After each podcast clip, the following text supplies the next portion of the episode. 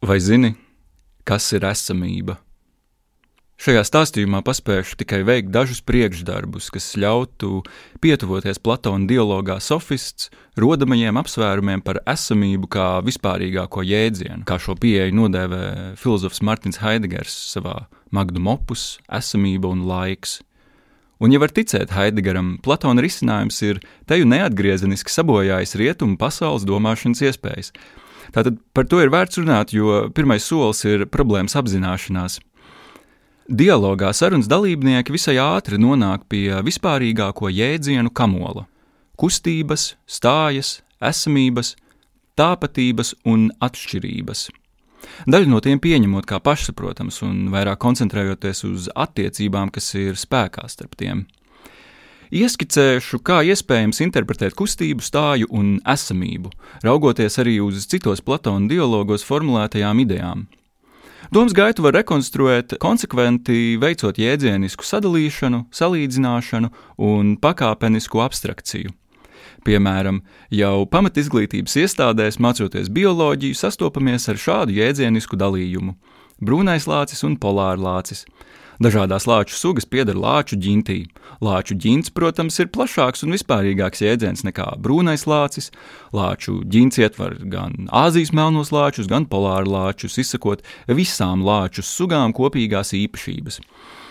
Ejot soli tālāk, varam salīdzināt lāčus un kaķus. Lācis nav kaķis, un kaķis nav lācis, bet gan kaķis, gan lācis ir dzīvnieki. Tātad mums ir vēl plašāks jēdziens - dzīvnieks.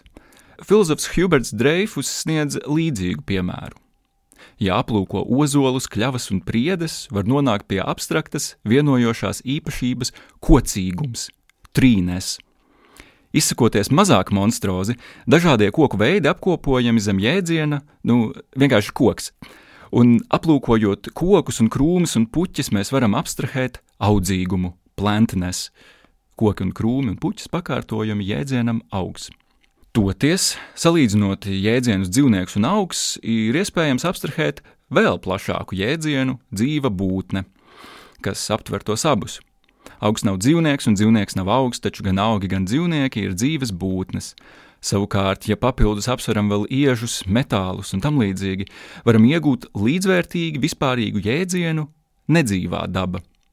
Meklējot kopīgo nedzīvajai dabai un dzīvajām būtnēm, var konstatēt, ka dzīvās būtnes mirst, Un pat ja nedzīvā daba rada iespaidu par nemainīgumu, šā vai tā klintis grūst un akmeņi dilst, jebkurš priekšmets pasaulē ir pakļauts zināmām izmaiņām. Šajā pavadienu punktā esam nonākuši atpakaļ pie Platona. Viņš sajūtās doto, redzamo pasauli, skaidro kā nemitīgi kustīgu, kā vienmēr topošu, Citiem vārdiem, teju galējas abstrakcijas pakāpē jēdziens kustība pauž to īpašību, kas ir kopīga gan dzīvām būtnēm, gan nedzīvajai dabai. Un kustību Platons salīdzina ar vienlīdz vispārīgu jēdzienu, ar stāju. Proti, visas kustīgās lietas pasaulē, nedzīvā daba un dzīvās būtnes, ir kustīgas saskaņā ar nemainīgiem, pasauli nosakošiem likumiem. Sauksim tos tā.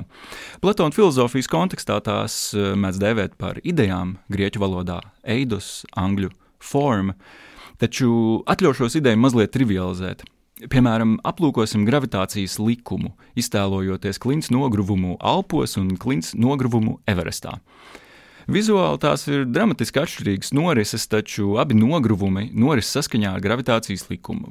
Pats gravitācijas likums kā tukša formula, kas jāizpilda ar konkrētiem skaitļiem, ir nemainīgs neatkarīgi no tā, cik liela akmens masa krīt un kur tā piezemējas. Jebkurš akmens, neatkarīgi no tā, uz kuras planētas tas atrastos, darbojas saskaņā ar gravitācijas likumu, arī ja brīvās krišanas pātrinājums, formula aizpildot, var būt atšķirīgs. Tas ir likums, kas nosaka to, kā priekšmetiem pasaulē iespējams kustēties.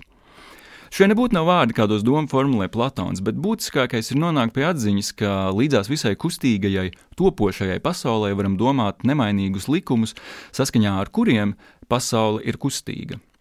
Šādi esam nonākuši pie divām teju galējā pakāpē vispārīgām kategorijām - kustības un stājas.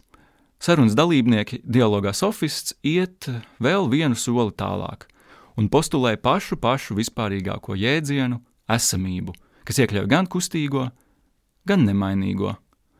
Kustība nav stāja un stāja nav kustība, bet tās abas ir esošas. Un būdams jēdziens, kas ietver visu, kas vien ir sajūtams un domājams, jēdziens esamība ir pilnībā tukšs.